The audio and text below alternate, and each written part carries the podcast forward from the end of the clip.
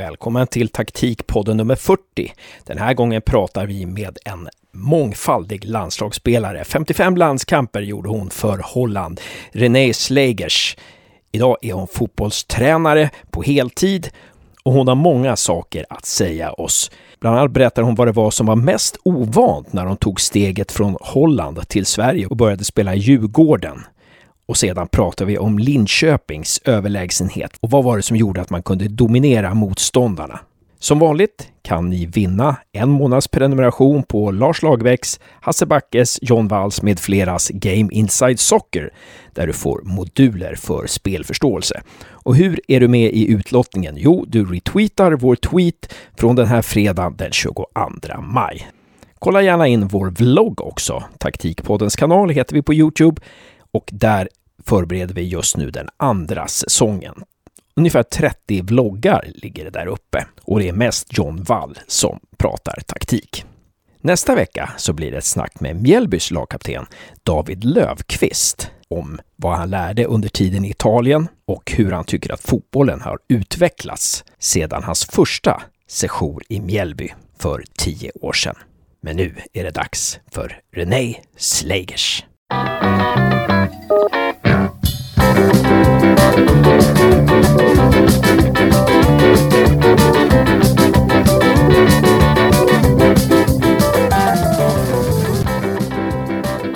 Välkommen till Taktikpodden, René Slegers. Tack så mycket. Uttalar jag ditt efternamn rätt? Ja, det var jättefint. Slegers, ja. Du, du är den första riktigt meriterade landslagsspelaren som vi pratar med i Taktikpodden. Alltså du har ju 55 landskamper för Nederländerna plus att du har många allsvenska matcher för Djurgården och Linköping. Och nu har du dessutom påbörjat en tränarkarriär så det finns ju hur mycket som helst att prata om då. Men innan vi kommer in på det så ska jag också hälsa Josef välkommen. Tack så mycket. Det är en fin dag att podda på och det ska bli spännande att snacka med dig ner. Verkligen om vi börjar från början, eller vi börjar någonstans i alla fall René. Alltså, när du kom då från Nederländerna till allsvenskan runt 2010-2011 där. Vilka var de största skillnaderna upplevde du mellan den fotboll du spelade i Nederländerna och den fotboll som spelades i Sverige?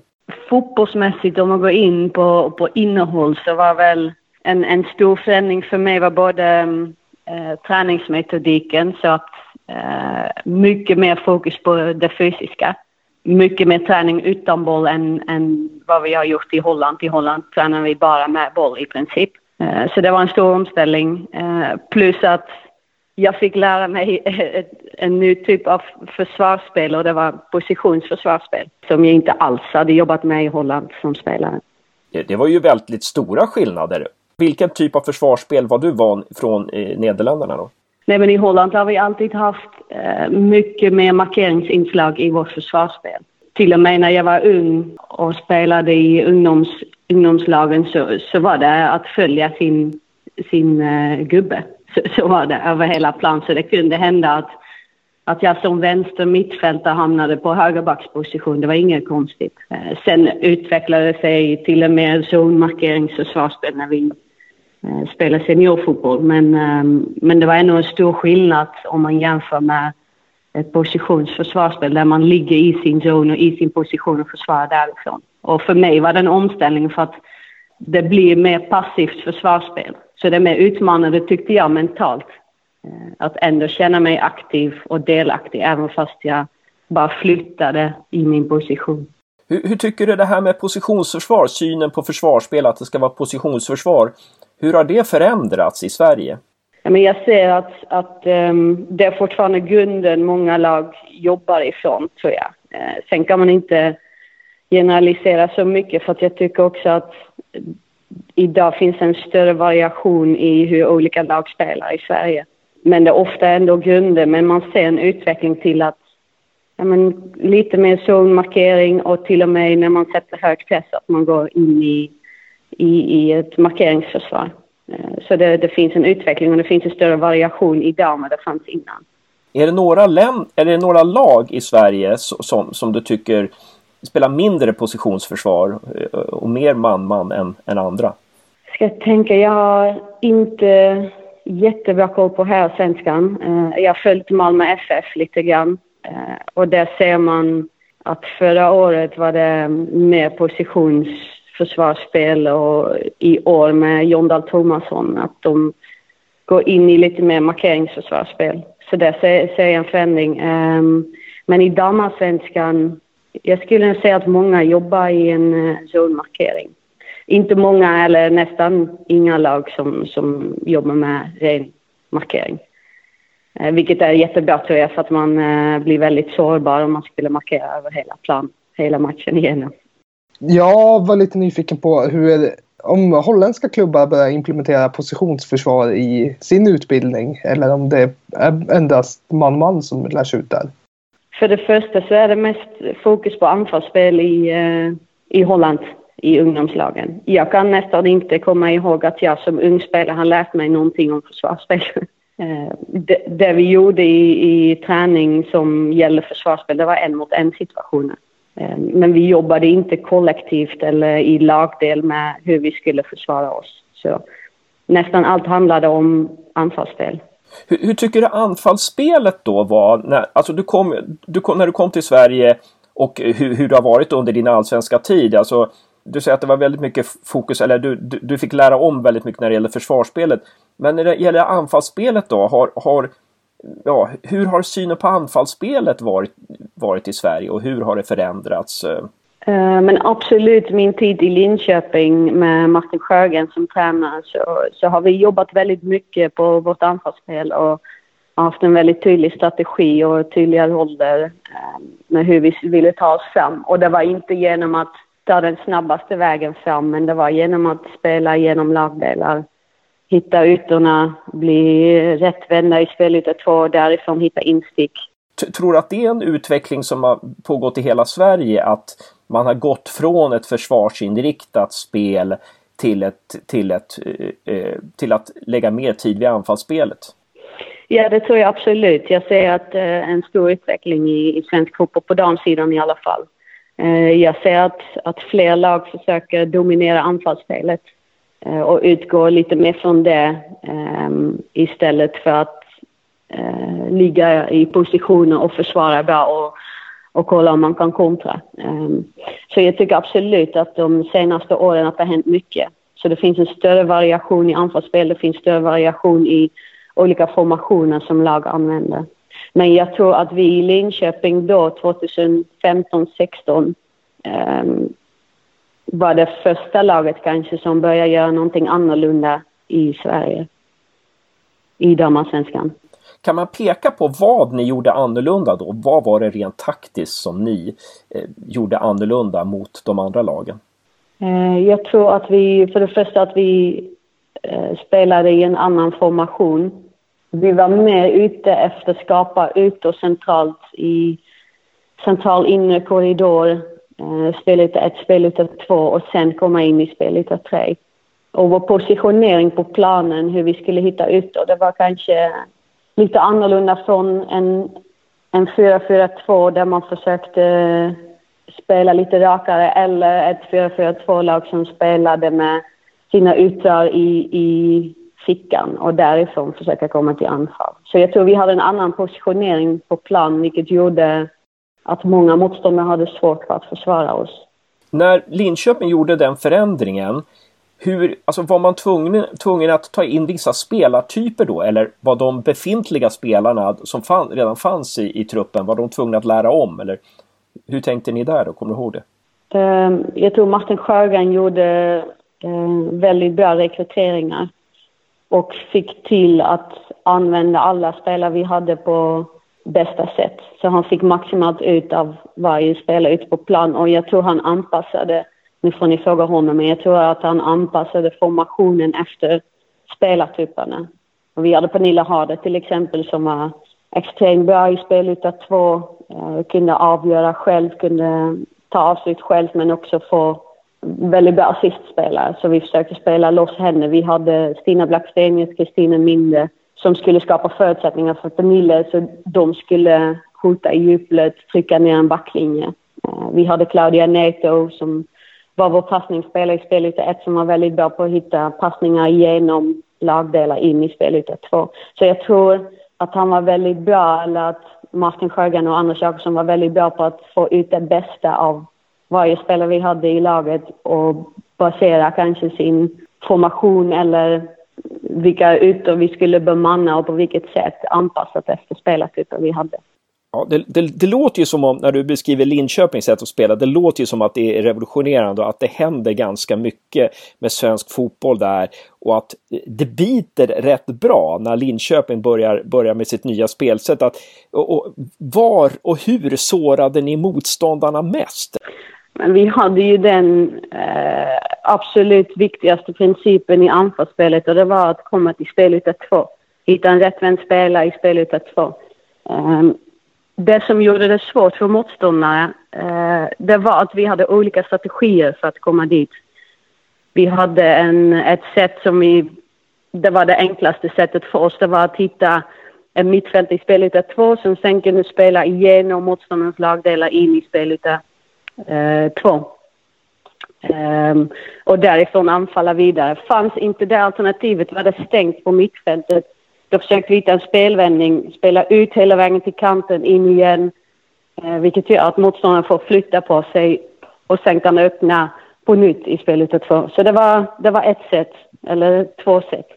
Uh, eh, sen hade vi andra möjligheter också. Vi hade motståndarna som, som, som satte hög press på oss till exempel. Det hände inte så mycket det året.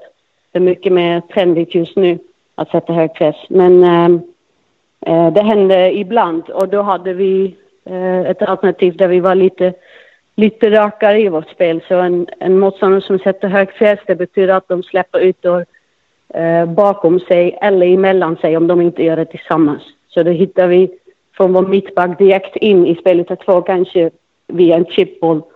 Um, så vi hade olika sätt. Jag tror det var svårt för uh, en motståndare att um, ta hand om den variationen. Det, var, det blev oförutsägbart. Och funkar inte det ena så kunde vi lösa det via ett annat sätt. Så det var så vi kom in i spelet två. Sen kommer man in i spelet två då är det fortfarande en hel del utmaningar också. Uh, vi hade olika alternativ där. Vi hade spelare som var väldigt skickliga på att utmana eh, en mot en.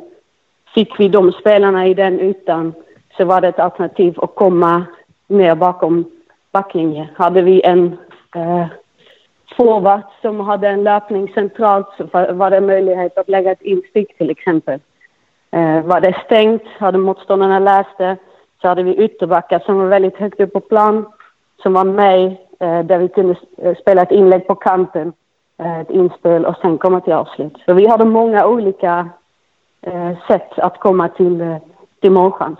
Skulle du säga att ni genom den nya taktiken här med Martin Sjögren att ni hamnade i fler avslutningslägen, fler avslutslägen i boxen då? Ja, absolut. Absolut. Vi kom närmare mål med fler spelare, eh, vilket man ju också sett i statistik att det ökar chansen att man gör mål. Så absolut. Om vi ska komma in lite på din tränarkarriär då. Josef gjorde tecken här att han tyckte vi skulle komma in på den. Det tycker jag var bra, en bra idé. Alltså, du gick ju direkt då från din spelarkarriär till din tränarkarriär. Eller hade du påbörjat tränarutbildningen medan du spelade? Nej, nej, absolut inte. Jag har faktiskt eh, varit inställd på att göra någonting annat efter min fotbollskarriär. Så jag har eh, jag ville bli journalist, så jag har läst kommunikation, information och sen har jag gjort en master i tillämpat etik som är såklart något helt annat än att, att vara fotbollstränare. Samtidigt som jag kan använda de sakerna i min roll som fotbollstränare såklart. Men, men jag blev tvungen av, att avsluta min, min karriär tidigt. Så jag var 26 när jag eh, drog korsbandet i samma knä för andra gången och eh, hade haft många skador under en lång tid, mycket problem med ryggen och bäckenet. Så spelat mycket på smärtstillande och jag känner efter min andra knäskada att eh, jag tror att kroppen säger ifrån att nu, nu räcker det, nu är det nog. Så, så det, det hände ganska plötsligt att jag stod där och eh, tänkte vad, vad, vad, gör man om man inte spelar fotboll? Livet som fotbollsspelare är väldigt eh, bekvämt på det sättet att allt blir gjort eh, för en. Så allt, eh, det finns en struktur, det finns en träning som, eh, eller en tränare som lägger upp träningen, det finns en klubb man går till, eh, det finns mat. man lever lite isolerat från samhället på något sätt. Så det, det, det, var lite svårt att hitta en annan roll i samhället. Vem är jag nu då och vad kan jag bidra med eller vad kan jag betyda här i samhället? Eh, samtidigt som jag känner att jag älskar fotboll. Eh, och det är alldeles för tidigt för mig att sluta. Jag var mitt i en utveckling fortfarande och hur kan jag nu fortsätta bidra i, inom fotboll? Och då kom jag på att ja, men jag har ju sett fina förebilder nu. Um, Sarina Wichman i landslaget, Martin Sjögren. Det kanske kan, kan vara något för mig att, att bli tränare och på det sättet fortsätta vara en del av fotbollen och speciellt jobba med de delarna som jag tycker är väldigt intressant och det är ledarskap, jobba med människor och eh, det taktiska i fotboll. Så, och då kom eh, Svenska fotbollsförbundet med en ny utbildning, CBA Elit, för före detta fotbollsspelare. Och eh, jag gick den utbildningen. Den, den var jätte, jättebra och intressant vilket gjorde att jag blev ännu mer entusiastisk för att, att jobba som tränare i fotboll. Vilken fördel kände du att du hade med att du hade en elitbakgrund när du kom in som tränare? Det är klart att det finns fördelar med det för att jag har sett många andra tränare hur de har jobbat, vilken metodik de har haft, vad, eh, hur kan ett upplägg ser ut? Hur ser en säsong ut? Hur ser en träningsvecka ut? Hur förbereder man sig inför match? Eh, hur tränar man med den fysiska delen i fotboll? Eh, så jag har, sett, jag har haft många förebilder. Samtidigt är att vara spelare något helt annat än att vara tränare. Så att, att, att man har spelat på hög nivå betyder inte att man blir en bra tränare. Absolut inte, för att det finns många andra utmaningar i att, att vara tränare. Jag tänker också lite, du har, du har din fotbollsfostran i Nederländerna och du har spelat rätt mycket på seniornivå i Sverige. Hur har du kombinerat de här olika metodikerna till en egen filosofi och utlärande? Jag brukar säga att eh, försvarsspel har jag lärt mig i Sverige och anfallsspel har jag lärt mig i Holland. Så jag försöker kombinera de delarna som, eh, som jag har fått som erfarenhet från både Holland och Sverige. Sen är kanske ledarskapet någonting som man ser annorlunda på ledarskap i, i Sverige än, än i Holland, eh, tycker jag. Eh, samtidigt som att det säkert kommer utveckla sig i en riktning där, där, där det börjar likna varandra lite mer. Men jag tyckte att när jag kom till Sverige att eh, tränare vågar släppa eh, mer till, till spelare, låta spelarna sköta processen. Lite mer autonomi för spelare, eh, mindre kontroll, vilket jag tyckte var väldigt intressant. För att jag kom från en bakgrund där jag har haft många tränare, framförallt i ungdomslagen, som var lite mer auktoritära, tuffa, hårda instruktioner, inte så mycket involvering av spelare, vad vi kände eller tyckte. Eh, så det är väl en, absolut en del som, som jag har lärt mig i Sverige. Hur, hur jag skulle vilja vara som ledare. Absolut. Mm. Du sa att den var väldigt bra den här utbildningen som du gick. Att du liksom, jag tolkar det som att du fick en, en nytändning där. Eller att du verkligen tände på det här med tränar, tränarsysslan när du gick den här utbildningen på Svenska Fotbollförbundet. Vad var det i den utbildningen som, som taggade dig och triggade dig till att eh, fortsätta utbilda dig till tränare? Eh, mycket, återigen, mycket eh, fokus på ledarskapet. Det som egentligen har skrämt mig lite eller hållit bort mig lite från tanken att jag skulle vilja bli fotbollstränare.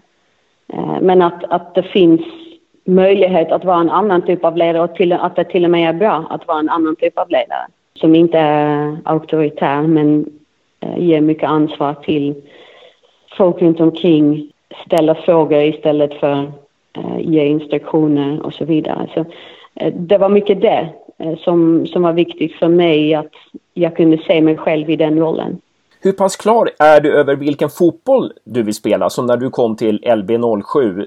Hur, hur pass eh, ja, klar var du? Ja, den här typen av fotboll vill jag spela. Och, och, hur skulle den se ut i så fall? Ehm, jag hade en, en, en tydlig idé när jag tog jobbet. Eh, men nu när jag eh, tittar tillbaka på vad jag ville då och hur jag utvecklats bara på ett år, hur jag ser nu på fotboll. Så eh, har ju utvecklats enormt mycket. Men jag tror att fotbollen i sig utvecklar sig hela tiden så man måste, man måste hänga med och försöka lära sig nya saker. Så jag tror att man aldrig blir riktigt klar med hur man vill spela sin fotboll. Den är hela tiden i, i utveckling, den, den idén eller filosofin man har. När jag kom till Elberg så var min tanke att vi skulle vara mer dominanta i anfallsspelet och spela fotboll med lite med tålamod utan att tappa farten. Sätta en högre press och ha mycket fokus på en snabbare återövring för att därifrån kunna fortsätta anfalla.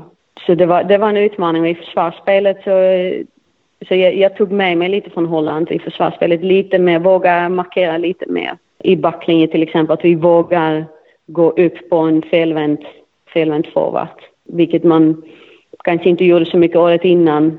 Släppte spelaren och ville stanna i linjen. Där ville jag att vi skulle gå upp i press. Så att vi hade tydliga principer där. Men jag ser att under säsongen att, att vi, har, vi har ändrat en hel del. Man måste också anpassa sig efter vilken kultur man jobbar i och vilka spelare man har. Så vad blir bäst? Hur får vi mest ut av laget? Men absolut så är det, var det det jag gick in med. Men jag ser att det, man, man utvecklar sig hela tiden och vill nytt hela tiden. I alla fall jag. Om jag inte har fel så vann du SM-guld med F19 i LB. Ja. Så då måste du ha fått ut det maximala av laget. Och hur, hur, hur gjorde du det? Eh, det, det är ju en utmaning att jobba i en F19-miljö eftersom man har ingen eh, kontinuerlig trupp. Alltså, vi hade ju spelare från A-laget som var med oss. Eh, det var olika hela tiden. Vi hade F17 som vi samarbetade med som, där, vi kom, där det kom upp spelare ibland. Och, så det var en utmaning. Så därför jobbar vi mycket med ett, bara ett antal principer som vi ville följa i spelet. Till exempel att vi ville, en viktig del var att vi ville bli rättvänt i spelet 2 och därifrån komma till målchanser och det blev väldigt effektivt En viktig del också tror jag att jag bestämde mig för att alla skulle få speltid. Så vi är ett utvecklingslag och jag kommer inte bara spela de spelarna som är bäst just nu. Jag kommer ge speltid till alla spelare. Så jag tror att det fanns ett stort engagemang av alla och alla kände sig delaktiga vilket gjorde att vi, vår träningsmiljö blev väldigt bra. Många som trivdes och många kände att jag kommer få speltid i, i helgen så många som var motiverade. När du pratar om olika spelytor, vad menar du då? Eh, jag tror att det är många tränare som, som pratar utifrån från spelytor idag, så det är inget nytt. Men, men det vi brukar prata om det är att det finns fyra olika ytor. Um, och då är det i förhållande till motståndarnas lagdelar. Så man har utgångsytan, eh, uh, där ytan framför motståndarnas forward eller första press. Sen finns spelyta 1, där ytan mellan eh, motståndarnas mittfält och forward. Sen är det spelyta två, ytan mellan motståndarnas backlinje och mittfält. Den yta som många lag fokuserar på, eh, som är väldigt intressant att komma till för att sen komma till avslut. Och sen finns spelyta tre, och det är då ytan bakom eh, motståndarnas backlinje. Och nu har du lämnat LB07 och det är inte så mycket fotboll i samhället just nu. Så nu när det inte är någon fotboll, hur fortbildar du dig och, och eh, utvecklar dig? Jag utvärderar förra säsongen och det vi hade påbörjat i år. Så jag, jag sitter fortfarande med det på alla möjliga plan, alltså organisationsmässigt, jag i mitt ledarskap, vårt samarbete i ledarteamet, sammanställning av truppen, spelidé, periodisering. Så på många i många aspekter finns det, finns det mycket att utvärdera. Så där sitter jag med fortfarande. Sen sitter jag med lite uppgifter för pro-utbildningen. Läser mycket böcker. Just nu läser jag Game Changer, Fergus Connolly, vilket är jätteintressant. Tittar mycket på fotboll, tittar på, på gamla klipp från mitt lag, men tittar också på, på annan fotboll. Mycket Premier League, Champions League, eh, landskamper på damsidan så, så på det sättet försöker jag eh, utveckla mig även fast det inte finns någon fotboll just nu. Sen har jag mycket kontakter med, med andra tränare så jag, jag tittar på andra träningar, jag pratar med andra tränare, jag har en mentor i Joe Montemurro som är tränare i Arsenal som jag har eh, avstämningar med varje vecka. Vi jobbar tillsammans på att specificera min spelidé. Han hjälper mig mycket i det. Så jag, jag har mycket att göra. Ja, och det här med specificera sin spelidé. Kan du ge oss någon sån här, någon liten eh, eh, avslöja någon sak som du har lärt dig eller som, du, som har varit en liten aha-upplevelse på, på slutet som du tänk, som, eh, ja, som, när det gäller fotbollstaktik? Jag tror att jag ville fokusera på, på allt och det finns så mycket. Det finns så mycket att, att lära sig från andra. Det finns så mycket man kan lära sig av matcherna vi har spelat eller träningar vi har tränat både på individuell och eh, kollektiv nivå. Så jag ville så mycket. Jag tror att inför nästa uppdrag att jag ska vara tydligare i um, det här. Behöver göra en tydlig analys av det vi har, den spelartruppen vi har, den bakgrunden, vilket land är vi i, vilken organisation jobbar jag i. Sen då mer proaktivt kunna bestämma sig för att okej, okay, men då är det det här vi ska jobba på. Uh, istället för att försöka ta lite i, i allt. Men, um, men med Joe jobbar jag mycket på Uh, verkligen, vi går in i fotboll så min spelidé. Han har simplified sin spelidé väldigt mycket så jag är väldigt imponerad för att men för att kunna göra det så måste man ha gått igenom hela processen av att ta in input, information, nya idéer. Så man ska, man ska först ta in väldigt mycket som sen ska bli en väldigt konkret, simplified, tydlig idé som, som spelarna kan ta in. Eh, så det, det är det jag jobbar på med honom just nu. Väldigt intressant. Det ska bli så himla spännande att följa dig René eh, framöver här och se Eh, var du hamnar och eh, i, i, i, vilken klubb du hamnar och i vilket spelsätt du hamnar och så vidare. Vi har en sista fråga här om det, om det fanns en tidsmaskin och du kunde gå tillbaka tio år i tiden och fick ta med dig en kunskap, någonting som du kan nu, tio år tillbaka i tiden och var den du var då. Vad skulle du ta med för kunskap som du kan nu som du inte kunde då? Du tänker fotbollsmässigt? Ja, precis. Jag tror um, att få en, en bättre förståelse för helheten. Uh, om jag tänker att jag som tränare nu, eh, jag kan fokusera på, på helheten. Men när man är spelare, för, eh, när jag var spelare för tio år sedan så är man mycket upptagen av sin egen roll och sin egen prestation och min aktion, att den ska bli bra. Men jag tror att jag hade mindre förståelse för helheten. Till exempel att en sån enkel grej att när en forward hotar, hotar i djuplet så kommer någon annan få mer yta. Så, så det absolut, hade jag, hade jag haft en större förståelse och mer kunskap kring det eh, för tio år sedan så vill jag gärna tro att jag hade varit en bättre spelare. Men eh, det får vi aldrig veta. Nej, just det. Men det, det är jätte, jättespännande svar och, och det, det kanske då talar om att eh, tränare ska vara mer noggranna med att tala om för spelare vad, ja, varför vi gör så här. Ja, absolut, det tror jag. Utan att komma med en, i en situation där det blir för mycket information för spelarna. Det ska fortfarande vara specifikt och viktigt och inte bli någon information overload heller. Men, eh, men absolut tror jag att det kan göra att många spelare kan bli ännu bättre om man får en, en, en större förståelse för det hela. Stort tack René Slegers för att du ställde upp i Taktikpodden. Helt grymt kul att prata med dig. Och lycka till framöver nu! Ja, detsamma. Tack så mycket! Och bra jobbat Josef! Tack detsamma och tack så mycket René för att du ville delta. Ja, inga problem. Vad kul!